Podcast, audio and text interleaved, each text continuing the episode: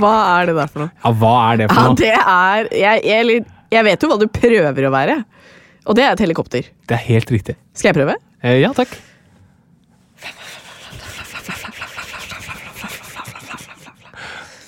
Det høres ikke ut som det. Nei, kan det var litt eh, lesping Ja, det var innimellom litt der, lesping. faktisk. Litt sånn eh, Så hva er det, hva er det episoden skal skal handle om? Lesping? eh, Ikke det. Kan det være det blir litt av det òg? Ja, det kan. Man vet aldri. Du, det det, skal, det det skal handle om i dag, det er jo at eh, dagens episode er laget i samarbeid med stiftelsen Norsk Luftambulanse. Det er kanskje derfor du driver med disse helikopterlydene, eller? Helt riktig. Ja, det Vil var du ha det igjen? Fin... Nei, jeg tror det passer bra sånn som det ble.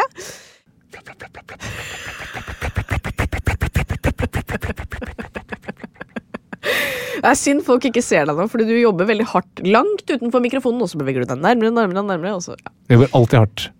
Du jobber alltid hardt. Det er helt riktig. Jeg syns vi bare kjører i gang, jeg.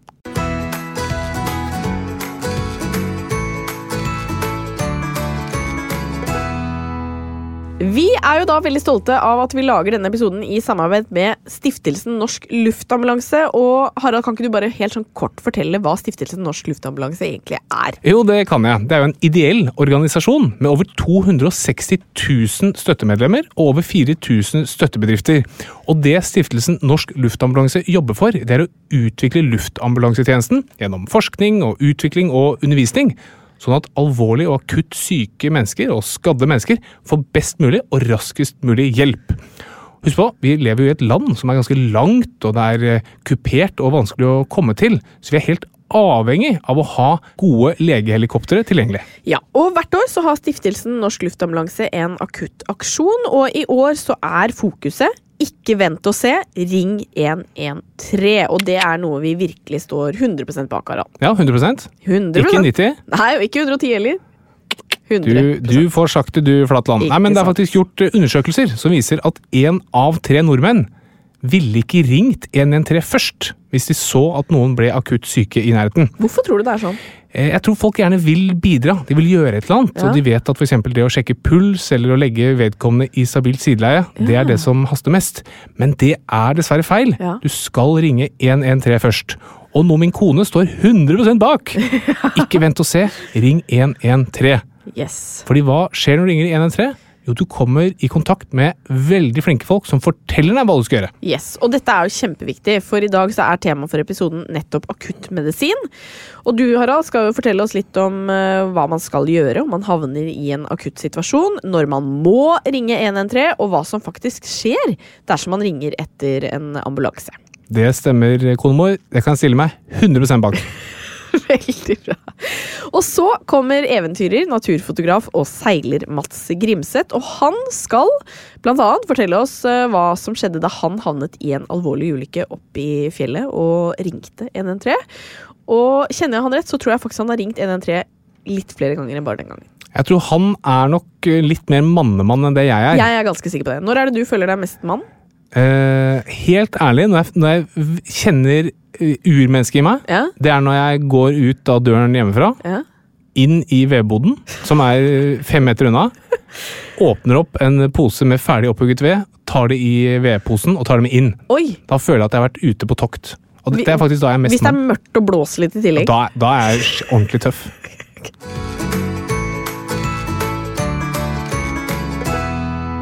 Det passer jo veldig bra at vi har tema i dag som handler om hva man gjør i akutte situasjoner. fordi denne uken så har jeg hatt undervisning i traumemottaket på Ullevål. Oi! Ja. Det, var, det husker jeg da jeg var student, for å bare kuppe historien Ja, med gjør en gang. Eh, Da var jeg nok på femte eller sjette semester. Da husker jeg jeg fikk tårer i øynene første gang jeg var i traumemottaket på Ullevål sykehus. Hvorfor det? Fordi det er altså så fantastisk å se det velsmurte maskineriet med så mange mennesker som hjelper alvorlig syke mennesker. Ja. Og da tenkte jeg også jeg betaler min skatt i det landet her med stor glede. ja. Og det er jo også al- Alt går så sømløst der når de er i et traumemottak og noen kommer inn og trenger hjelp. Det er bare alle vet hva de skal gjøre. Gjør det helt uten å lage noen eh, som helst lyd. Det er helt fantastisk. Men eh, det skal jo sies at eh, vi var ikke med på en ekte traumepasient. Vi simulerte da en eh, traumepasient. Um, men var det du som hadde hikke, for eksempel? Noe av det verste du har opplevd? Nei. Eh, og faktisk er ikke det det verste jeg har opplevd eh, lenger. Å, Etter hva at er jeg det hadde munn-fot-håndsyke. Mm. Det er det verste jeg har opplevd. Ja, Og det, du har også født. Ja, ja, men det var ikke det verste jeg har opplevd. Nei. Nei. Ehm, men det som da skjedde, var at eh, vi var jo da inne i dette traumemottaket. Og f hvis jeg for eksempel sa For da f- stilte han legen spørsmål hele tiden. Ok, hva gjør du så, hva gjør du så? Og da sa jeg ok, da ringer jeg eh, Da vil jeg gjerne ha inn en kirurg. Fordi eh, casen var at jeg var eh, i mottak eh, på Finse sykehus, hvor det er et stort sykehus, som dere alle kjenner til. Ehm, og at jeg da var alene på vakt, at jeg får vite at det har vært en bilulykke. De er på vei nå med ambulansen. Eh, hvem ringer du, på en måte? Hvem vil du ha med deg i rommet når de kommer? Håper du ringte meg. Eh, jeg ringte ikke deg. Jeg ringte, jeg ville gjerne ha inn en eh, Blant annet en kirurg, da. Mm. Eh, og da var han sånn ok, men da må du gå over til telefonen der. Så måtte jeg gå over til telefonen og faktisk ringe. Og da simulerte han at han var legen som lå hjemme og sov og ikke ville komme. Og ja. Men det var veldig ekte. Eh, så ville jeg henta blod. Ja, hvor er det du henter det? Nei, da lette jeg jo mange skap, da. Ikke sant? Ja, Å, Hvilket faen. skap lå det i? Eh, det varmeskapet, faktisk. Ja. Der, eller der fant vi, i varmeskapet fant vi væske. Som væske må være. Blodet, det kommer faktisk bestilt. Ja. Eh, anyways, eh, fått øvd meg litt på traumemottaket. Men jeg tenkte vi skulle bare snakke litt om hvordan vi er i ulike situasjoner. Jeg mister det litt. ja. Det vil jeg absolutt si at eh, du, gjør. du mister hodet, og du eh, eh, er litt vanskelig å ha med å gjøre. eh, Når det skjer akutte ting. Vi har jo hatt eh, et par opplevelser. En gang i fjor sommer da Bernhard gikk i, eh, i bakken, som var helt forferdelig. Og nå for bare en ukes tid siden hvor Bernhard fikk eh, Falsk krupp. falsk krupp. Og var helt eh, tett i pusten. Så da var det godt at eh, en av oss holdt hodet kaldt, mens den andre løp rundt og skrek og viftet med armer og bein. Det gjorde jeg ikke. Nei, Mer i sommer enn eh, en da han hadde fallskrupp. Ja, fordi jeg var faktisk veldig rolig denne gangen. Du var faktisk ganske rolig. Du var ganske rolig. Helt eh, enig i det. Men da maste du på at jeg skulle ringe 113. Jeg gjorde ikke. Burde gjort det. Ja, vet du hva? Det syns jeg også i retrospekt at vi bare burde gjort, fordi vi har ikke noe å tape på å gjøre det. Nei, men Grunnen til at jeg ikke gjorde det, var faktisk at jeg, at jeg eh, var så opptatt med å gjøre de tingene jeg visste man skulle gjøre. Ja, men da gjør jo du den feilen som vi snakket om at man ikke burde gjøre. Altså at man sjekker puls og respirasjonsfrekvens og sånne ting. Ja. Ring 113 først. Ja, vi gjør Det det. er det første vi må gjøre. Det er det første vi gjør. Så eh, det har vi lært, og det skal vi gjøre neste gang. Men du klarer jo veldig ofte å holde deg rolig. Hvorfor tror du det er sånn? Nei, jeg vet ikke. Jeg har, eh, som jeg vel har nevnt før, også lest om en annen som hadde det samme da han var i krig. Altså en sånn evne til at når, når det virkelig drar seg til, så blir man veldig rolig. Ja. Og det har jeg kjent på både da jeg jobbet på sykehuset, og for så vidt med, med Bernhard disse gangene også. Det skjer et eller annet med meg. Et eller annet som kobler inn. Da er jeg ikke stresset i det hele tatt. Bare går rolig fram og ordner opp. Jeg husker vi hadde det samme i Spania. Ja, Da vi grillet ute, og det begynte å ta fyr i propanslangen. Jeg vet ikke Ja. om du husker det? Nei, jeg gjør ikke det Og jeg bare faktisk. gikk inn til svigermor og sa hei, kjære svigermor, har du et brannslukningsapparat? For nå er de i ferd med å gå i lufta her i Spania. Åh, Ja, du er helt fascinerende rolig. Det er veldig, veldig fascinerende. Ehm, men har du opplevd Du har jobbet en del i ambulanse selv. Har du opplevd noe der som har vært spesielt dramatisk? Altså noen ulykker som har gjort inntrykk? Jeg tror fordelen når du jobber som helsepersonell, er at eh, du, du, ting blir ikke så veldig traumatisk fordi du har en rolle. Du vet hva du skal gjøre. Jeg tror det er mye verre å stå og se på og ikke kunne gjøre noe. Det er det som er veldig guffent i krig, ve- som er veldig relevant nå. Det å se folk som blir utsatt for grufulle ting og føle at man ikke kan hjelpe, det er mye vanskeligere enn å faktisk være der og kunne bidra. Jeg kan ikke huske noen sånne ting, men det jeg hørte her forleden, det var eh, studier som er gjort på å se hvor mange liv en lege redder i løpet av sitt yrkesliv. Ja, Hvor mange liv tror du en lege redder i snitt, eh, Katarina? oi. Jeg synes det er veldig vanskelig. Det varierer jo hva slags lege du er òg, da. Absolutt. Ehm, skal jeg tippe? Seks?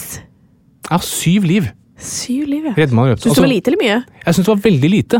Ja. For det er ikke, dette er ikke dette, altså dette er både den totale gjerningen du gjør som lege i løpet av et liv. ja. Den tilsvarer å redde syv liv. Ja, men har man da Har du da tatt med alle krefttilfellene du har Jep. oppdaget? Du har tatt med alt? Du har fått med alt det. Det er det Ok. som er litt, og alle, Ja, det er litt blodtrykk, lite. alle blodtrykkene du har senket, Oi, alle oi, kvinner oi. du har gitt prevensjon. ja. ja, da var det lite. Det er veldig lite. Ja. Og grunnen til det er at fordi vi har ganske god legedekning her i Norge, så vil de, Si de første 100 legene de redder enormt mange liv, fordi det trenger du. Men vi er vel sikkert 10 000 leger, da. ja. De siste som eh, 1001. legen får ikke gjort så fryktelig mye fra eller til. Nei. Men det betyr at du som hører på og kanskje ikke er lege og helsepersonell, du kan kanskje redde flere liv hvis det er målet ditt. Ja. Men jeg tror jeg reddet ett liv, som jeg tror det var viktig at jeg øh, var der. Ellers Du har så, tror gjort jeg, ja, ellers så tror jeg nok det meste av det jeg gjør, kunne vært gjort av den andre. Ja. Men jeg hadde en pasient som kom inn med, med et sånt trykk øh, pneumotoraks. Å Å ja, den catcha du? Ja, og, og fikk øh, punktert. Så der, der tror jeg kanskje at det var flaks at det var jeg som var på vakt. Ellers så tror jeg absolutt alt jeg gjør, kunne vært like så godt gjort av en annen. Tror du eh, Kanskje du skal fortelle hva trykkpneumotorax er? Ja, det kan jeg gjøre. Så det er en, sånn, en av de få eh, akuttilstandene som kan løses veldig enkelt hvis du vet hva du skal gjøre. Og Ja. det er veldig vanlig at dette blir brukt på filmer og TV-serier, og sånn, for det er veldig dramatisk. Og det som skjer, er at rundt lungene våre så har vi Altså, lungene våre ligger i brysthulen vår. Eh, og det som kan skje, er at det kan komme luft mellom lungen og brysthulen. Sånn at det lekker luft ut av lungen og inn i lungehulen. Og når du får luft inn der, da vil det presse sammen lungen. Og hvis du har en trykkpneumotoraks, da har du en ventil som gjør at det kommer hele tiden mer og mer luft ut i brysthulen. Så for hver gang du puster, så blir lungene mindre og mindre og mindre.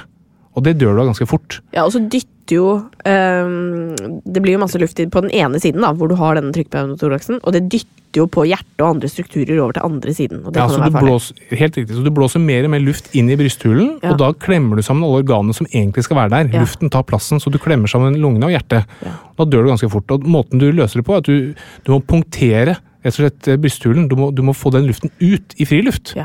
Og da kan du stikke en grov nål eh, eller noe sånt inn i, i brystet. Øh, Pasienten har jo typisk brystsmerter, puster, øh, eller puster og har vondt øh, når de puster. Eh, eh, puster kanskje litt sånn Eh, Også det man kan gjøre, som man kan kjenne på noen, er hvis du kjenner oppå huden, på den siden hvor de har eh, da hullet i lungen, så kan du kjenne det som heter kram snø. Ja, det kjennes ut som kramsnø, Ja. for det er ikke kramsnø. Hva?! Så da kan du lage en snøball. Nei, men eh, det er riktig. Det, de, ka- det kan også lekke ut i underhuden. Ja. Mm. Hva heter det på fint igjen? Emfysem, er det ikke det? Ja, er det emfysem? Ja. Subkutant emfysem. Det Subkutan. er bare å spørre, vet du. Ja, du måtte google, da. Det må du jo si neste gang du er i sånn case eh, på skolen. Ja. Hvem ringer du? Jeg ringer mannen min, Harald. Bandesbyen Harald. Det skal jeg gjøre neste gang. Eh, litt usikker på om jeg står eller stryker, hvis jeg sier det. Eh, Det er jo ikke noe du, Det er vel andre du kanskje burde ringe først, så Ja. mm, du stryker. Jeg stryker. Da kommer Men jeg hos ikke meg til å si det. så får du seks. Fantastisk. Terningkast? Meg? Ter terningkast.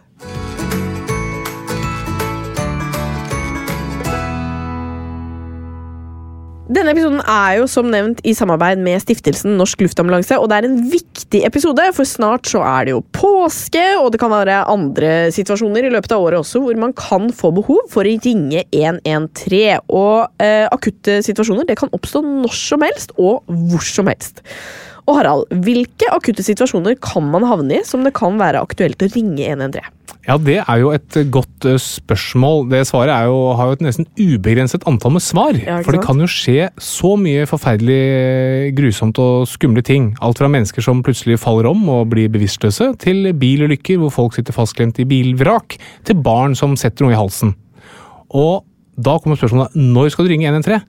Nei, gjør det. Bare ring, for de kan fortelle deg hva du skal gjøre. Start med det, så kan de råde deg til eh, hva du burde gjøre. Og lurer du på når du skal ringe, da ville jeg ringt. Ja. For du har ikke så mye å tape på det. Det kan være mange situasjoner hvor man da skal ringe 113, men hva skal man gjøre hvis man f.eks. er vitne til en alvorlig ulykke eh, og er helt alene? Nei, Det er jo veldig fristende å løpe bort og hjelpe til, og det skal man absolutt gjøre. Men før man gjør det, så skal man altså ringe 113. Og det er både for å tilkalle hjelp, så man vet at det kommer noen andre og kan hjelpe til, som kanskje er eh, flinkere enn en selv eller har litt flere ressurser å spille på. Men det er også for å få gode råd til hvordan man kan hjelpe på best mulig. Og det er jo litt kontraintuitivt å dra opp mobilen som det første man gjør når det, når det skjer noe gufne greier, men det er altså det man skal gjøre. Og det er veldig mye bedre for de som er alvorlig syke eller skade og skadde, å vite at det kommer kyndig hjelp. Og ofte trenger man også å få vite eller få noen gode råd til hva som faktisk er den best mulige hjelpen å gi. For det er umulig å være trenet og forberedt på absolutt enhver potensiell situasjon. Men når man ringer til 113, så blir man satt i kontakt med det som heter AMK, altså akuttmedisinsk kommunikasjonssentral. Og de som tar telefonen der, de er forberedt på absolutt alt. Og de kan fortelle deg nøyaktig hva du skal gjøre, uansett hvilken situasjon du står i. Ok, Men si du da har ringt 113, hva skal du gjøre? Du er kommet til et eh, ulykkessted på E18. Eh, og så har du ringt 113. Ja, da fortell de deg hva du skal gjøre. Er det så enkelt? Ja, men ja, Det kommer så innmari an på hva Ja, som jeg skjer. skjønner da. det. Så det som er viktig, er å tenke på tilkalle hjelp, Ja. men også passe på seg selv og egen sikkerhet. For det er jo, hvis du kommer til en ulykke på E18 og løper ut i veien for å hjelpe til, og så blir du påkjørt, Ja. d- da, det vil jeg si, ikke bra. Ikke bra. Trenger ikke være lege for å si det, altså. Det kan jeg som legestudent også si at det er ikke bra. Men, men rett og slett fordi man skal slippe å tenke på disse tingene. Så det er Ja. ikke sant, Å sikre skadestedet, tenke på egen sikkerhet, det, det vil også de em, i AMK kunne fortelle. deg. Ikke Så bare sant. start med å ringe 113. Er det noe man absolutt ikke skal gjøre? Med tanke på f.eks. bilulykker eller noen som har falt og slått seg? Altså, Er det noe man kan gjøre gærent? Ja da, man kan faktisk gjøre en del gale ting. og Det ene er igjen det å passe på at sin egen sikkerhet. Ikke, sant? ikke løp inn i et eh, brennende bygg, ikke løp ut i veien med masse biler. Det er viktig å huske på. Em, og så er det jo det at en del skader kan man gjøre verre. Så hvis du f.eks. flytter på en pasient med et brudd i nakken, så kan man risikere å gjøre vedkommende lam. Og det er også ikke bra. Nei. Og da igjen, ikke sant? Du kommer til et ulykkessted, er kanskje litt usikker på om det kan være et brudd. Det er jo veldig vanskelig å vurdere både for deg som lege og for andre. Fint å ringe 113, og så kan du forklare situasjonen. Kanskje de kan være med på video, for det kan de når de ringer 113 nå. Eh, og så kan man få hjelpen man trenger. Riktig. Ja. Men vi kan jo aldri gå gjennom A, B, C, D for mange ganger eh, når det kommer til akutt hjelp. Kan ikke du bare fortelle hva det går ut på? Jo, altså A, B, C, D, det forteller oss hvordan vi skal tenke når vi kommer til en alvorlig syk pasient. Eh, fordi det er, jo, øh, det er veldig lett å begynne å tenke og være litt smart og, og prøve å tilpasse hva man gjør til situasjonen, men det skal vi helst unngå. Det er mye bedre å gjøre det samme hver eneste gang. Og det ser man også i traumemottaket som du har vært i. Man gjør det samme hver eneste gang på hver eneste pasient, uansett hva de kommer inn med. Uansett om det er et ben som er hugget av, eller om de har satt noe i halsen. Og eh, da går det ut fra A, B, C, D. Og man starter jo selvfølgelig på A, jobber seg nedover mot eh, D, og man går ikke videre før man har jobbet seg ferdig med en bokstav. Yes. Viktige prinsipper. A-en det står for airways. Man skal sikre at pasienten har frie luftveier. Og det må være det første man tenker på. For en bevisstløs person kan fort ligge på en måte som blokkerer luftveiene. Enten fordi man ligger med hodet og nakken på en måte som blokkerer luftveiene, eller fordi man har kastet opp og dette kan blokkere luftveiene. Og uten frie luftveier, hva skjer da? Flatland? Får du ikke puste. Nei, man dør. Ja. Så du må sikre at pasienten har frie luftveier uansett, selv om man mistenker nakkeskade. Ja. Ikke sant? Fordi det er bedre å være lam og puste enn å være ikke lam og dø. Ja. Em, og det det handler om, er jo da å fjerne eventuelle ting som blokkerer nese eller munn, og legge pasienten på en måte som sikrer frie luftveier. Og det handler gjerne om en sniffing position. ja. Løfte haka eh, litt fram, sånn at man Det ser ut som man er ute og snuffer litt, og litt underbitt på eh, Dra fram underkjeven litt, grann, så man får et lite underbitt. Ja, jeg tenker også eh, kan være litt sånn sniffing position, eller kan være litt sånn at man er litt fin på det, hvis du skjønner? Ja, litt sånn eh, hoven. Litt sånn hoven. Ja. Hodet, nesa litt opp i sky, liksom. Yes. Yes. Så det var A. Det var Airways. Yes. Og B. hvis du, er, hvis du har det, sikret frie luftveier, Ja. da kan du gå til B. Da kan vi gå videre til B. Og B det står for breathing. Eh, puste pasienten.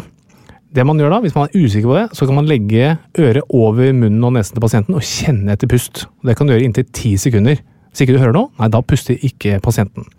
Hvis pasienten er bevisstløs og enten ikke puster eller puster uregelmessig, da skal man starte hjerte-lungeredning. Yes. Men hvis man puster, da er på en måte B-en ok, og da kan det være lurt å legge pasienten i stabilt sideleie med frie luftveier, for da er A eh, ok, og da er B ok, og da kan du gå videre til C. Ja. Og C-en, det står for circulation, og hvis du da har kommet deg hit, hvis du er nede på C, så betyr det at A-en og B-en er ok. Hvis ikke, så må du tilbake. Ikke sant? Yes. Det er Derfor det er en viktig huskeregel dette her. Og circulation det handler jo om hvorvidt pasienten har god nok blodsirkulasjon. Og Hvis pasienten er blek, kald og klam, så tyder det på at hjertet ikke pumper nok blod rundt omkring i kroppen. Og Da må man gjøre det som er relevant for den aktuelle pasienten. F.eks. legge bena høyt for å få mer blod til de vitale organene, stoppe en eventuell blødning, eh, eller pakke pasienten godt inn i varme klær. Yes. Eh, og så har vi D-en, da. Ja, D-en det står for disability, og det handler om bevissthet. Er pasienten våken? Og er pasienten orientert? Vet pasienten hvor han eller hun er, hvilken situasjon han eller hun er i? Og dette handler nok mer om kartlegging enn at man nødvendigvis får gjort noe med det der og da. Men det kan være veldig viktig informasjon å bringe videre til f.eks. 113. Ja. Og så er det vel ofte også en E, som er sånn environment, at du sjekker resten av kroppen og eventuelt pakker det inn i tepper og Ja, da, jeg, jeg tipper at eh, de, disse akuttmedisinerne har sikkert dratt ned hele alfabetet. For det er sånn man syns er litt gøy. Ja. Men eh, hvis, du, hvis du klarer ABC Ja, Eller det viktigste er bare å ringe 113, for Ja. de kan fortelle deg det. det er sant. Nest viktigste, husk ABC. Yes. Tredje viktigste, ABCD. Ja. Veldig, veldig bra. Eh, Syns også vi skal ha en liten tur innom eh, hjerte-lungeredning. I og med at vi snakket om at eh, hvis pasienten ikke puster, eller puster eh, rart, så skal du begynne HLR. Hvis du er bevisstløs. Ja. Ja. Hva gjør man da? Ikke hvis du er bevisstløs, men hvis pasienten er bevisstløs. det håper Nei, jeg at HLR er tilfellet. det er hjerte-lungeredning, Ja. og da er huskeregelen 32. Yes. 30 brystkompresjoner, Ja. to innblåsninger. Ja. Det er alt du trenger å huske. Yes. Klem på brystet 30 ganger, og så puster du to ganger inn i munnen til pasienten mens du holder for nesa. Ja. 32. Og hvilket tempo skal du klemme i brystkassen? I eh, tempo til låta Stenaline Nei, sorry, jeg sier alltid Stenaline. Jeg mener Color Staying, line.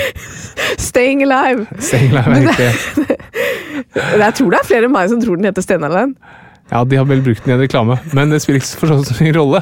Det som betyr noe, det er Yes. tempo på sangen. Ja, Og det er hvordan- det samme. Hvordan går den, Flatland? Det går Æ, æ, æ, æ, Stand alone, stand Ok, så alone. Hvis du synger mens du klapper for hver brystkompresjon, hvordan blir det? Da blir det Æ, æ, æ, æ, Stand alone, stand alone.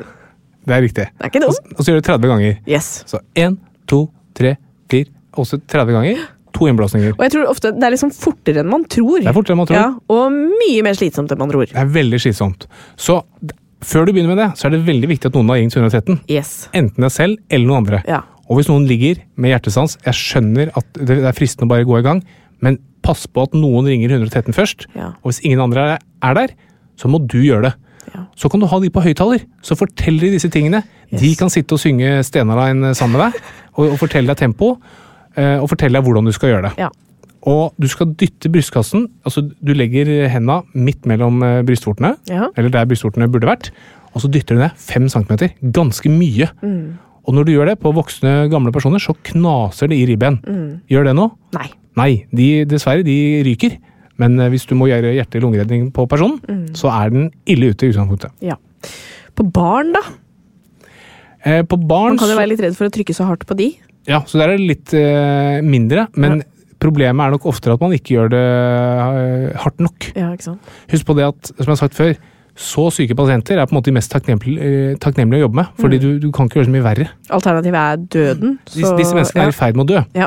Så her gjelder det bare å få, å få kommet i gang. Hjerte-lodering 32. Men øhm, hvordan kan man liksom vurdere om man skal ringe 113 eller øh, ikke? Er du usikker, så ville jeg bare ringt. Ja, ikke sant? Eh, og, og hvis du ringer veldig ofte, så sier du nok fra. På en hyggelig måte. Ja. Hvis, hvis man begynner å bli på fornavn med de på AMK, da tenker jeg at vi kan Ja, Ta hvis du er på iblant. fornavn med de jeg, jeg, jeg tror ikke, Det er greit å ha fornavn med de, så lenge de syns det er greit. Ja, det, det er jeg helt enig i. Eh, og så tenker jeg at Vi skal snakke litt om denne videoløsningen som også finnes når man ringer 113 eller bruker appen Hjelp eh, 113. Fordi ehm, det som er veldig fint, som er litt nytt, da, er jo at man kan eh, få en videosamtale når man ringer 113. Og eh, jeg har lest meg litt opp på dette, og det har faktisk vært flere situasjoner hvor de på eh, nødsentralen har eh, virkelig mm, sett verdien av dette. Fordi blant annet så var det en person som ikke De, altså de klarte ikke å forklare eh, personen i, som var i den akutte situasjonen, hvordan den skulle sikre frie luftveier. Eh, og det, jeg skjønner jo det, i en sånn kaotisk situasjon å få med seg alle de tingene. Og så fikk de på video, og fikk da vist det fysisk. Og så fikk de det til, og personen eh, overlevde. Det er jo ganske fantastisk er pga. veldig- av disse nye løsningene. Absolutt. Og det er jo faktisk Stiftelsen Norsk Luftambulanse som har utviklet denne videoløsningen. Ja. Og den kan jo brukes når man ringer 113. Kanskje enda enklere hvis du faktisk har appen Hjelp 113 installert. Og greia er jo at det kan være ganske vanskelig å forklare hva man ser, Ja. på en god måte. Eh, og da er det veldig mye lettere å bare la de på AMK få se nøyaktig hva som skjer, så slipper du å prøve å forklare. Og én ting er som du sier, legge folk i stabilt sideleie eller sikre fri luftvei kan være ganske vanskelig. En annen ting som også kan være ganske vanskelig, er- er å prøve å forklare hvor sykt et barn er. Ja. Og der er det jo viktig for oss som helsepersonell som har sett en del syke barn, så er det veldig, vi Mm. kan som regel ganske raskt se om et barn er alvorlig sykt eller ikke. Mye lettere å se på video enn å måtte prøve å forklare over eh, telefonen. Det som også har vært en greie med denne videoløsningen, er jo at eh, menn er jo faktisk litt sånn dårlige på å ta kontakt med helsevesenet, og, og underdrive kanskje, ikke sant? Så de har opplevd at det har vært eh, folk som har vært i arbeidsulykker, som har på en måte underdrevet skadeomfanget. Fordi at menn er jo som menn er, at de er litt sånn tøffe. Eh, og så har de fått videoløsningen opp, og så har de sett at eh, her er jo nærmest hele armen av, ikke sant? Eh, og, og Mm. Gå så- til fastlegen. gå til fastlegen. Så eh, mange eksempler på at dette er livreddende. Og jeg tenker vi går liksom påsken i møte. Mange skal sikkert ut på ski, mange skal ut på biltur, mange skal eh, ut på tur. Altså det er så mange situasjoner eh, man kan havne i. Veldig mye skjer jo hjemme også. Ja. Man setter noe i halsen, eh, besteforeldre kan få slag, eh, unge kan få slag. Altså det er så mye som kan skje. Ja. Eh, hvis du bare skal gjøre én ting i dag da, som kan gjøre livet ditt eh, litt tryggere, så er det å laste ned den appen som heter Hjelp 113. Yes. Ja.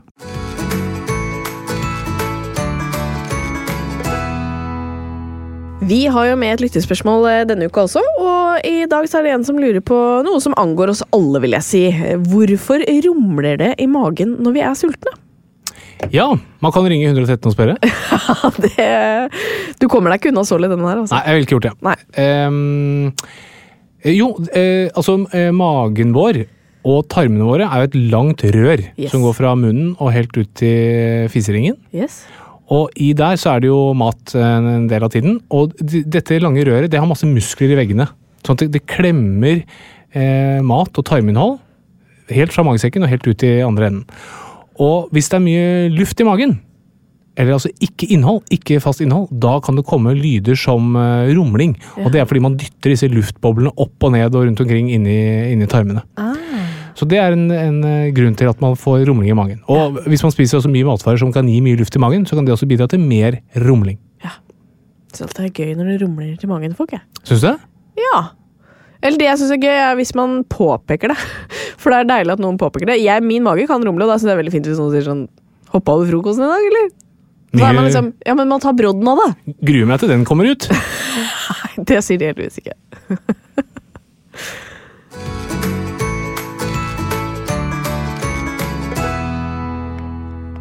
Og da har vi fått besøk i studio, og det er eventyrer, naturfotograf og seiler Mats Grimseth. Hjertelig velkommen eh, hit. Tusen hjertelig takk. Du, du kommer jo da rett fra Ålesund Ja. eh, for å være med her, og så skal du rett tilbake igjen. Ja. Hvorfor skal du tilbake så fort? Nei, jeg må rekke en eksamen. Jeg skal ha jegerprøven. Jegerprøven. Og da ser jeg at eh, misunnelsen gror hos deg, Jeg Harald. fikk det i gave av mine foreldre, for Ja. en stund siden, men det var under korona, så det har ikke vært så mye kurs. Men jeg har veldig Ja. lyst til å gjøre det selv. Er det vanskelig? N- Ja, det er mye, altså, det er mye lover, da. Og Ja. det er veldig å se mange Det er mye ender. Ja, det- jeg har skjønt at du må lære fryktelig mange fugler. Ja, Det er mye artsprøve, da, som det heter i fagspråket. Dette skal jeg jo kunne nå. Ja. Eh, Oi. og der er det jo både Ja, mye rart. Stokkand, Stokkan, ja. Kvinan. Ærfugl. kvinan, canadagås. Kanagås. Ja. Glutan. Jeg do- tipper- Man kan jo bare kaste ut et navn. Det er ingen som kan si sånn. Det finnes ikke. Jo, han må jo kunne svare på det. Jeg føler at vi trenger ikke å ta speedtest nå. Anita Stokkan. Det kan godt hende. Men da må jeg bare spørre, vi skal jo ikke nødvendigvis snakke så mye om dette i dag, altså, men eh, må du kunne kjenne lydene til fuglene? Nei. Nei, fordi det, Broren til Harald han eh, måtte samle opp noen studiepoeng eh, en gang, og da tok han hva var det det heter? Ornitologi. Ornitologi! Ja, det, ja. Og det går ut Altså, eksamen i det var sånn Du fikk høre en lyd, og det kunne være pip. Og så skulle, de, skulle han skrive Ja, hvilken fugl var det? Og så var det neste lyd. Klassisk dompap. Ja, og så skulle, Han måtte kunne lydene, liksom. Så hvis noen trenger en fremoverlent ornitolog, så kan dere ringe min bror. Jeg føler sånt. Det er bare sånn sjekketriks. Å si at jeg har Ja, jeg det er sånn. tror han kjempegøy. eh, brukte det som en sjekketriks for studielån. Ja. Men om det har fungert også på byen, det vet jeg ikke. Nei, det vet Men jeg har vel klart å plukke opp noen løse fugler der òg. Oi, oi. ikke. Øy, Harald. Eh, hvordan er det med deg om dagen, da? Er det bra? Det er det. Ja. Jeg skal være så ærlig og si at eh, dette er første vinteren hvor jeg liksom har følt på sånn eh, eh, Det var veldig rart å føle på, men selv om jeg liksom hadde egentlig alt på stell, hadde prosjekter, ting jeg hadde drømt om, eh, møtte ei jente Men så ble jeg liksom Jeg hadde ikke trodd at selv jeg, som også er ganske fokusert på hvor jeg er i huet mitt og sette ord på ting og lever av å sette ord på ting. Eh, men fikk føle på en vinterdepresjon, Ja. og det var veldig rart. ja. Å bare bli trøtt og lei og ikke ha noe overskudd, selv om jeg prøvde å gjøre alt rett. Nei. Og skjønte at jeg måtte må bare stoppe opp litt og ta litt påfyll av gode ting, da. Ja, hva gjorde du da? Nei, jeg har en tendens til at hvis jeg starter på et prosjekt, så blir jeg veldig ivrig. Ja. Og så gjør jeg bare det. ja. Og så er det veldig enkelt, for da slipper jeg liksom å tenke på ja, hvordan jeg har det i hverdagen. og ja, sånne ting. Så da stoppa jeg opp og begynte å få litt mer eh, luft, og ikke minst påfyll av å være med andre mennesker. da. ja. Hjalp Og det det? hjalp? Det gjorde det etter hvert. Ja. Eh, Men du kjente litt på noen dype daler først? Ja. Skikkelig sånn altså lengre periode, da. Men det var liksom Ja, jeg måtte bare Da gjorde jeg noe så Ja, jeg tok faktisk helt timeout og bare dro vekk fra Ålesund. Ja. Jeg dro hjem til familien. Eh, men det var liksom en s- kombinasjon av Jeg har levd av mine egne penger siden jeg var 15 år. Og plutselig så fikk jeg en økonomisk trøkk og måtte spørre mamma om hjelp. Og bare det var sånn Det skulle aldri skje da, i mitt liv. Ja. Mm. Følte på en skam og ja, kom hjem til familien fordi jeg ikke hadde råd til mat på bordet, liksom. Men på papiret så er det liksom suksessfull. Ja, Så da var bare Jeg måtte tørne om huet mitt litt og ta fokus på de riktige tinga, da. ja. Mm. Nei, det familien er til, da. Ja, det er jo det. Ok, Og det er jo men- ikke farlig eller underlag å be om hjelp. Nei. Nei, for hva har det gjort med deg, da? At du opplevde det? Har det gjort at du lever annerledes nå, eller tenker annerledes? Ja, det var f- liksom min eh, greie har alltid vært den der hverdagen, da. Eh, Jeg kan jo ha utfordringer med sosial angst, og da er det liksom jeg gikk inn i en sånn ond sirkel at jeg jobber med renovering av seilbåt, da. Og når jeg jobba en vanlig arbeidsdag med seilbåten, så var jeg som regel så sliten at jeg liksom bare la meg på sofaen og spiste, og så sov jeg. Og så var det det jeg gjorde, da, i fire måneder. Ja. Og da, ja, selv jeg som elsker seilbåt, da er ikke det fett lenger. Det ble mye seilbåt. Ja, og da var liksom, jeg var ikke, hadde ikke overskuddet til å være mennesker, da. Og så følte jeg at jeg liksom jeg ikke ble invitert til noe, noe ting åpna, men selvfølgelig ble det ikke det når jeg bare sitter der aleine og ikke rekker ut en hånd, liksom. Mm. Så da er det sånn, ja. Men så blei barrieren bare større og større, da. Til å liksom si at hei, jeg har lyst til å være vennen din. Ja. Følte det var terskel å ta kontakt og liksom være sårbar, sånn som det er? Ja. Eh, og det er egentlig Ja. Jeg er jo veldig for og har alltid vært for det og har jo bedt om hjelp fra tidlig stund da jeg var ung. Men eh, det var rart hvordan det blei en terskel. Og si liksom at eh, ja, jeg har lyst til å bli bedre venn med deg, liksom. Det høres ut som man er uvenner, man er jo ikke det engang. Men det er bare sånn jeg, ja. Ja, og så blir jo det litt vanskeligere jo eldre vi blir òg, føler jeg. For at Ja. man liksom Før kunne man jo si at eh, du, du er min beste venn, og jeg har lyst til å være masse med deg, min beste venn. Altså. Takk. jo, men det blir jo mer unaturlig når vi er voksne. Ja. For vi snakker jo ikke om vennskap med vennene våre, på en måte. Man bare er venner. Mm. Så jeg skjønner at det er eh, litt annerledes, men Er båten ferdig pussa opp, eller? Kan snakke om noe annet? Den er ikke helt ferdig, skjønner jeg. Nei, den nærmer seg. Ja, den nærmer seg. Men det- Nå er det gode dager, da. Ja, Om det er bord i bra. båten. Nå, det er første gangen jeg har på lenge. Men er den i bra. vannet? Ja. Ja, den er det. ja. Oi. ja så Mm. det, Og den flyter? den flyter, og den er tett oventil også. Så det er Oi, så bra. bra. Hva, hva, som gjenstår- hva kan mulig gjenstå da? Nei, jeg må få starte motoren. Det er Selv om bra. det er seilbåt. Jeg må få på seil. Det er også essensielt når det Mm. er en seilbåt. Og jeg må ha strøm. Ja. Ja. Ja. Så det er sånn, mye de gjenstår, da. tre hovedfaktorene er ganske essensielle. Jo, men altså, det, er- det er en båt, og den ligger på vannet, og den flyter. Men det er Ja. ikke seil. Nei, nei. Nei. så det er ikke en som har seilbåt. dratt. akkurat. Det er også, ja. Men eh, denne episoden lager vi i samarbeid med stiftelsen Norsk Luftambulanse. Og vi har skjønt at du har hatt bruk for eh, de og faktisk flere ganger. ja da. Du ler. Det var ikke de du brukte å komme hit til Oslo i dag? nei, det Så det, Nei, det hadde Nei. vært fælt, på en måte. var det Men jeg eh, var jo nesten en periode jeg hadde klippekort på helikopter, ja. Eh, så selv om jeg, har- jeg har hatt noen skattesmeller, da, så jeg føler at det har gått helt fint, for jeg har på en måte Betalt for casha inn de. det. Mm. Ja. Ja, ikke sant? Ja. Nei, jeg har jo eh, Jeg har vært litt uheldig opp igjennom. Ja. Og så har jeg en stor tendens til å havne der det skjer, da. Ja. Som melder, da. Eller hjelper i situasjoner. Men har, har du trengt det selv? Ja. Ja, Det er jo Det var jo faktisk i området ved Ålesund, i Ja. Sunnmørsalpene. Det var i 2018. En av de vakreste dagene. Vi hadde seilt inn i Gjørumfjorden. Og så var vi en stor vennegjeng som skulle gå opp på Skårasalen. Og det var en sånn latterlig fin dag. Blå himmel, perfekte snøforhold, det var trygt i fjellet. Alt var fint. Går opp der, kommer på toppen. Jeg er jo ikke så helt rå på å stå på randonee-ski, altså du går opp og står på ski ned igjen. Ehm, Så ned igjen så skulle de andre kjøre i en sånn bolle, da. Se for deg sånn halfpipe i en park. Ja. Eh, Det syns jeg var for skummelt, så det vil ikke jeg kjøre. Så da liksom skal jeg traversere bort og kjøre ned i en skog som er mye tryggere terreng, da. Ok. Hvor jeg også hadde kjørt dagen før. Eh, Kommer bort der, setter utfor, nydelige forhold, jubler litt. Kommer nedover, har ganske stor fart, og så skal jeg sette en helt vanlig sving. Og så klarer jeg så vidt å reagere, og så forsvinner skia unna meg, og så går jeg med huet først, da, i det som er rett under sånn litt puddersnø, så ligger det blank is, da. Oi sånn. sann. Så da er det jo helt svart. Det er det du slår hodet i? Ja, Ja. så det er jo huet først i den. Med hjelm, selvfølgelig. Ja. Uten den så er det jo veldig sikkert at jeg enten har vært død eller en grønnsak. Ja. Og da, når jeg våkner igjen da Jeg har jo slått huet før og hatt hjernerystelse, og liksom Men når jeg våkner igjen da, så er det første jeg gjør, er å spy. Og skjønner at nå Nå er det et eller annet. Nå er det rysta skikkelig her. Ja. Og ja, nå er jeg skadd, da. Eh, men jeg visste jo at de andre eh, så meg jo ikke. Og jeg var litt lenger opp, ja. så jeg var veldig sånn fokusert på at jeg må bare Adrenalinet rusha i kroppen. Jeg må få samla tinga.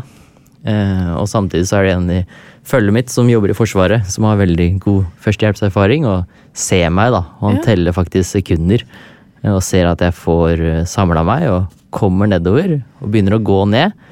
Men så går det ikke lang tid før de fjella går i kryss, og jeg svimer av på nytt, da. Og da har jeg fått på meg hetta og sånt, sånn at jeg ikke skulle bli kald når jeg gikk ned. Og så faller jeg med ansiktet først i snøen, Oi sånn, sann. og ligger og blir kvert. da. Og resten der husker jo ikke jeg, men da har jo han Adrian spent av seg skia og løper oppover i tung bakke og teller sekunder, da. Oi sånn. sann. Han vet jo hvor lenge det tar før det blir kvert. Kommer opp dit og får hive meg rundt og ser at jeg har misfarging i ansiktet og ja, kuler i panna og får jo banka liv i meg, da. Ja. Og da var det sånn Du fikk får sånn der overlevelsesinstinkt, da. Ja. Så da var jeg, skjønte jeg at nå trenger vi hjelp, og vi er i et område hvor det er lite dekning. Eh, og han sjekker meg og ja, skjønner at liksom dette er mest hode og det er der det kan være skade. Eh, og så sjekker jeg telefonen, jeg har ingen dekning. Så sjekker han telefonen, og han har sånn én strek. Ja. Og så husker vi jo, jeg vet jo liksom hvor vi er, men rett posisjon har jo utrolig mye å si for hjelpemannskaper når det er snakk om sekunder eller minutter. Da. Ja. Og da husker jeg at eh, den 113-appen, Ja. den fungerer selv om du ikke har dekning. For den finner posisjonen din via GPS-en i mobilen. Ja. Så jeg dro opp den, og mens Adrian hadde AMK på tråden, så fikk vi sagt eh, posisjonen, da. Og så får de sendt hjelp. Og da, når jeg liksom skjønte at hjelp var på vei, og vi gikk nedover, så har jeg bare blitt gjenfortalt, for jeg husker jo ingenting. Nei. Men jeg har jo begynt å peke på fjella og begynt å le. Og det er jo ikke liksom det mest tryggeste tegnet på bevissthet. Når du går nedover der og ja, sjangler og Men så blir jeg jo da Tar jo ikke mer enn en 20 minutter før luftambulansen er på stedet. Og blir flydd til Ålesund sykehus og tatt imot av ja, akutteamet, som generelt i hele Norge er helt rå og blir tatt vare på og er så heldig å komme fra det bare med en heftig hjernerystelse og en forslått kropp, da. Ja, ikke sant. Du var jo veldig heldig, men, eh, men eh, det kunne jo gått eh, andre veien også. Eh, Hadde jo ikke han kameraten din sett deg og klart å komme seg opp så fort, altså hvem vet. Det er jo sterkt å høre, da. Ja, fy fader, det er ganske close. Ja, det er close på mange måter. Ja. Det er jo både det at vi får gitt ja, altså, Alt henger jo også på Adrian her. Hadde ikke han sett det og reagert, og det å ha noen i turfølge som bare skjønner at ja, her skjer det et eller annet, da. Ja. Så det har veldig mye å si. Og så ikke minst det med å ha gitt blitt forvarsla så tidlig, da. Mm. Å få gitt en posisjon og et helikopter var tilgjengelig. Mm. For han sa det jo han legen at å sitte der inne så lenge uten å ja, bli tatt vare på, bli nedkjølt og ja, Ja. da kan det jo gå andre veien, da. Og jeg sitter og tenker på at du er jo eh, vant til å eh, være i fjellet, reise. altså Dette med koordinater er sikkert litt mer naturlig for deg enn for mange av oss andre. Og, Kanskje særlig deg, Frida. ja, eh, jo, men jeg bare merker når jeg er ute og kjører bil, altså hvis noen spør hvor er du, Mm. så er jeg nødt til å se et Jeg må ha sett et skilt Mm. veldig kort i meg for å si sånn ja, Jo, det er der du tar av til. Ikke sant? Og hvis ikke du har det, så aner jeg ikke. Så du viser jo at selv om du er ganske erfaren, så har man veldig nytte av nettopp denne appen. da Mm. som heter Hjelp 113, som, som gir deg koordinatene. For det er, det er jo livsviktig. Og koster ingenting. Ja, eller kan i hvert fall være livsviktig, og når, Ja. du, når du først trenger det, så er det ganske digg å ha det i lomma. Ja. Og det at dere ringte 113, for det har vi også snakket litt om, at det er jo vanskelig å vite hva du skal gjøre i enhver situasjon. Ja. Men det er derfor man har AMK, da, eller 113, at de, de vet jo nøyaktig hva du skal gjøre i enhver situasjon. Ja. Så det å ha de tilgjengelig i lomma er ganske smart og deilig. ja. Har du noen gang vært eh, redd for at eh, du ringer og at du ikke burde ringt, på en måte? Eller ringer du heller en gang for mye enn for lite? Nei, Der har jeg jo på en måte fått det møtet med de og liksom fått den treninga på at det er bare å ringe. Altså, Ikke sant? De som kommer til å ta, eh, ta den avgjørelsen. Ja. Og jeg hadde en sånn situasjon hvor jeg var og kita på Finse. Ja. Fram og tilbake på et vann der. Nydelig dag. Kiteframtog, mange ute på vannet. Og idet jeg liksom snur kiten, så er det på en måte ganske vindstille. Så syns jeg jeg hører noen som roper etter hjelp. Ja. Og det er sånn jeg begynner å se rundt meg. Jeg tenker sånn Hva, det er jo ingen der. Så jeg kiter videre. Kommer jeg tilbake igjen, og så er jeg sånn Nå hører jeg noen. Og så roper jeg til en venninne som også liksom er ekspedisjonserfaren, og bare Ser du noen? For hun hadde kameraet mitt med en telelinse. Ja. Og så er jeg sånn Ta bildet oppover der.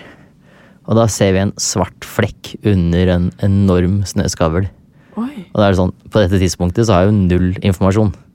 Ja. Og da er man sånn Oi, skal jeg ringe? Skal jeg sette i gang en stor aksjon? Tenk hvis det er en stein. Ikke sant? Ja. Men da var det sånn, det var ingen tvil i hodet mitt, og jeg ringte, og jeg sa liksom at dette er det jeg vet. Ja. Jeg hører noen som roper etter hjelp, vi er langt unna, vi skal ta oss nærmere. Og da er det opp til de Ja. å ta Ikke sant? den vurderinga. Det er ikke sånn at noen kommer til deg og sier at fy faen, du ringte oss, Nei, ikke og du satte i gang, vi sendte helikopter. Ja. Og da kobler jo de opp, og de kobler inn alle nødetater, og jeg spenner jo på meg skia, og vi kommer oss nærmere og nærmere, og har jo veldig lite informasjon. Og jeg tror at dette er worst case, for etter hvert så ser jeg at det er en person Å ja. som roper etter hjelp, og han er jo under en enorm skavl. Og vi klarer jo ikke å se om det har gått et skred, om er det han, er det flere? Nei. Og ja, så vi kommer oss nærmere og nærmere, og etter hvert så viser det seg at det er eh, en person da, som på toppen i whiteout, altså han har sett helt hvitt, Ja. trodde at han har kjørt riktig, så har han kjørt utfor da, en åtte meter høy skavl, Å herre. og landa, og tatt skuldra da.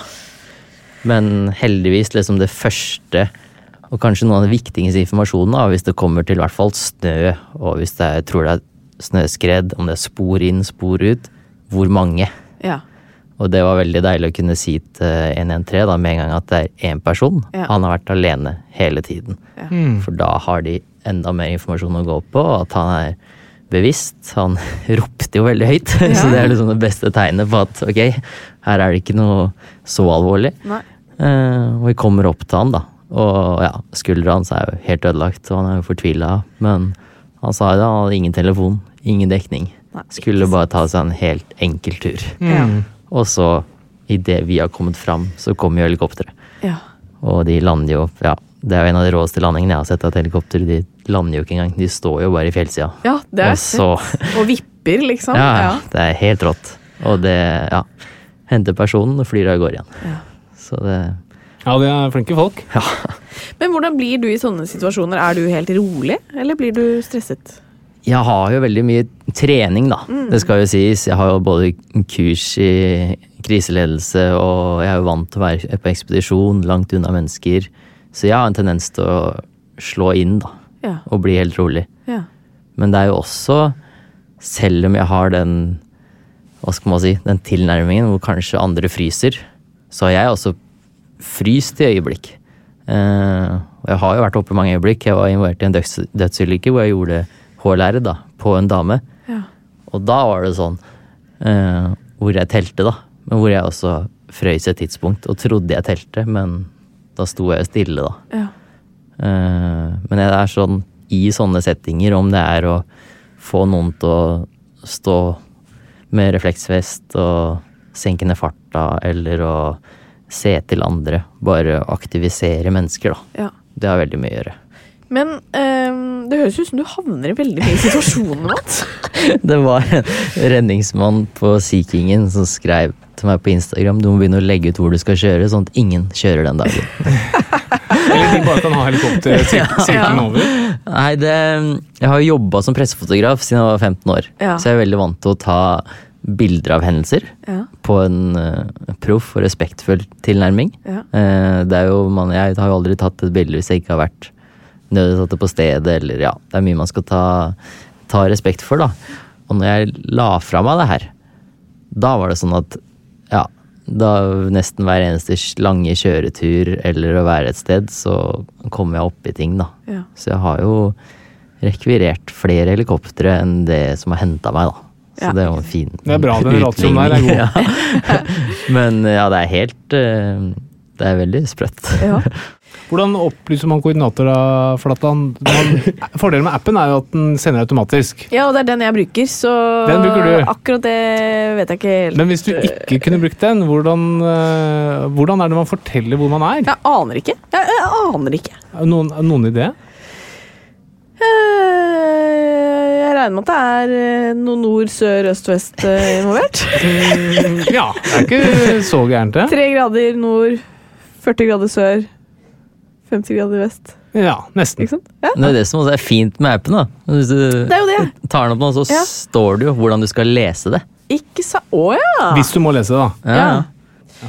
Da har jeg det. Da har jeg åpnet, øh, åpnet appen, og da står det eh, 59 grader 59 grader 55,93 minutter nord. Ja. 10 grader 45,44 minutter øst. Ja. Ikke sant? Det husker du ikke i huet. Nei, Du må jo endre for hver meter du Ja, tar, da. jeg skjønner jo det, da. Eh, og I tillegg så har du jo da eh, muligheten til å se hvor nærmeste hjertestarter er. Og det er ikke langt til hjertestarterne her, eh, faktisk, mens vi sitter her. Det Nei, er ganske egentlig- trygt å vite. Ja, Det er veldig deilig med appen også. Du ser hvor nærmeste hjertestarter er. Det har mye å si. Her er vi mange i nærheten. Ja, jeg Det ser er, litt, eh, det er godt Veldig å se. Trygt. Har du brukt det før, eh, Mats? Bare på kurs. Bare på kurset. Ja. Ja. Det er bra. Jeg merker, jeg vet ikke om jeg har lyst til å dra på tur med deg. Nei, det vet ikke jeg om jeg vil. Men jeg stiller jo veldig godt forberedt, da. Ja. Så det er jo ingen av Ja. mine som liksom har endt eh, De har fått fortehjelp.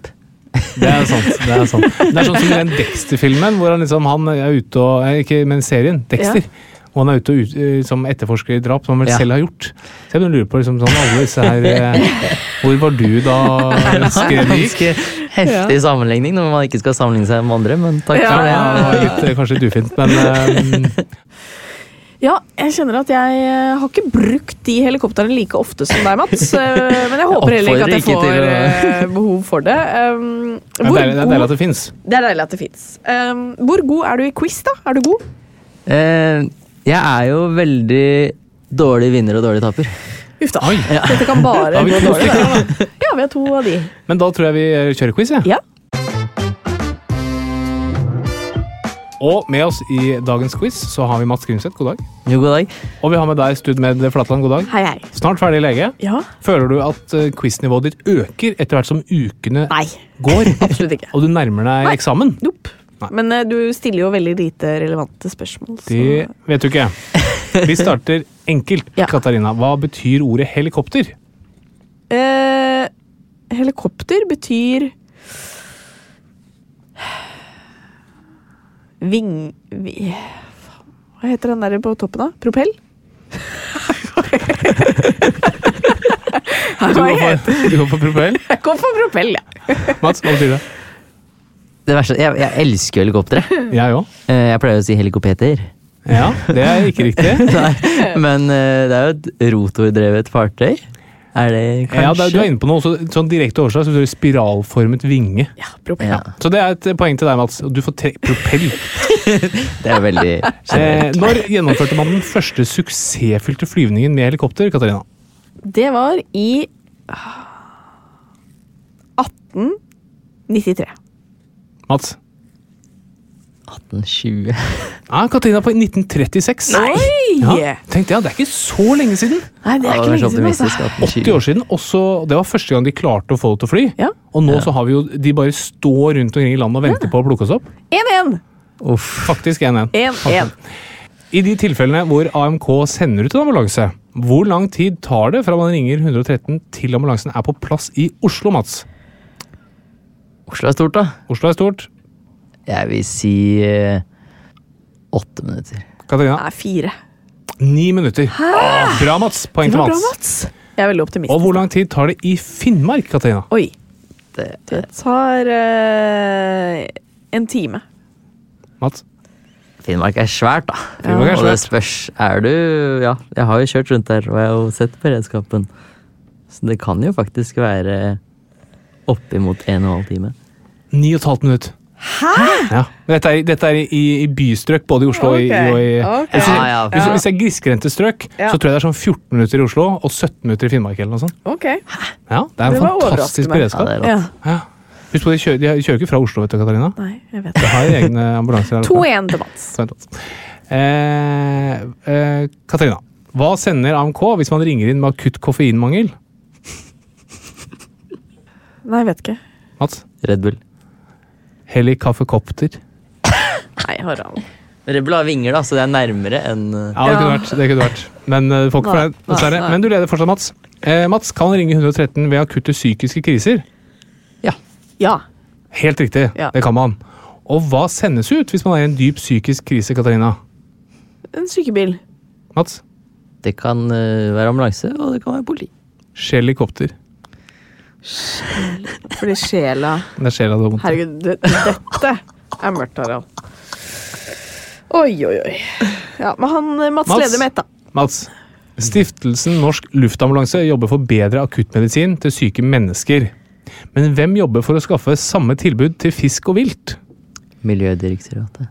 Katarina. Jeg vet ikke. Stiftelsen Torsk Luftambulanse. Herregud. Ja, det er bare å beklage at du har flydd helt fra Ålesund, for det er, det er jo en skam. Dette var verdt turen for Nei, oss. dette er en skam. Ja, Hvilket nummer ringer man hvis man trenger nødhjelp i USA, Katarina? jeg vet ikke, Harald. Det vet du, Mats. Nei, nå, nå. Å ja, 911. jeg trodde det var et tullespørsmål! Det- Du må Det er være på. ganske Det rett. Nei, men jeg, å, jeg vet Jeg tror at det er 911. er tydeligvis ikke. Ja, da får du få vise, da. Ja, Hvilket nummer ringer man hvis man trenger nødhjelp i Mexico? 911. Mats? Du kan også ringe 112. 9 Juan Juan. Ja, ikke sant, det var, faen, altså. Nå gidder jeg ikke mer. Takk for meg. Er du ferdig? Ja. Nei, men det, jeg han vet jo at man ringer 911. Du sa ikke det? Nei, men det var for jeg trodde, trodde du skulle videre til sånn der tulle... Ja. Du må, du må alltid, Anyways. er det én du har lært etter denne episoden? Du må alltid være forberedt. ja, det må jeg. Men det var jo da veldig hyggelig at du kunne vinne denne quizen, da. Det var bra. Ja, gratulerer. Gratulerer så mye. Ja. Du får en, eh, neste gang du trenger eh, eh, luftambulanse, så er det gratis. Skattebetalerne betaler. Det er det every time. Det er det faktisk. Eh, du, Før vi avslutter, så pleier vi alltid å få et tips til vår sønn Bernhard for hvordan han kan bli en eh, fin fyr. Har du et tips til han? tipset mitt til han er eh, Det blir jo tips til dere, da. Ja. Eller ja. Ja, Begge Men deler. noe vi skal liksom lære han. ja For at han Skal bli en fin skal fyr. kunne ta det tipset videre, da. Ja. Og det er å være litt mer ørnemor og ikke hønemor. Oi! Ah, ja. Hvordan opererer en ørnemor? Eh, det er jo En ørnemor er jo sånn at når de føler at de er klar, så sparker de ut av redet. Oi sånn. sann. Og en hønemor er jo litt mer sånn beskyttende. Så jeg er jo litt mer for at eh, man skal jo få lov til å leke litt i trær og få litt kul i huet og høl i Ja. huet og sånne ting er sunt. det. Bernhard er jo ett og et halvt år. Hvor gamle er ørneungene når de blir sparka ut? Nei, det tror jeg ikke jeg skal relatere så spesifikt til mennesker. ok. Men eh, ja, og bare la de få lov til å prøve og feile litt mer. Ja. Den er Ja, men det er grei. et bra Jeg tips. skal jo øve meg på det. Ja. Gjør det. Og bli litt mer ørnemor. Ehm, vi sier tusen hjertelig takk for at eh, du kom, eh, Mats. Eh, takk for at du delte dine historier. Tusen takk til vår eh, samarbeidspartner Stiftelsen Norsk Luftambulanse. Ja, for det, det er den som jobber for mennesker, ikke sant? Det er den som jobber. Ikke Stiftelsen Torsk Luftambulanse. Ikke den veien. Nei, jeg beklager for den der. Men eh, det som er viktig at du husker på, er at hvis du havner i en situasjon hvor du mistenker at det kan være alvorlig skade, Ja. ring 113. Yes. Og så anbefaler vi jo dere, og håper at eh, vi har illustrert hvor viktig det er å laste ned appen Hjelp 113. For eh, med Hjelp 113 så har du alle nødnumrene samlet på ett sted. Og den viser både koordinatene dine og hvor nærmeste hjertestarter er til enhver tid. Yes, For du vet jo aldri når du kan havne opp i en akutt situasjon. Å ha appen tilgjengelig det er en meget rimelig forsikring. For den er jo faktisk helt gratis. Ja. Vi er tilbake neste uke. Ha det! Ha det! Plan B.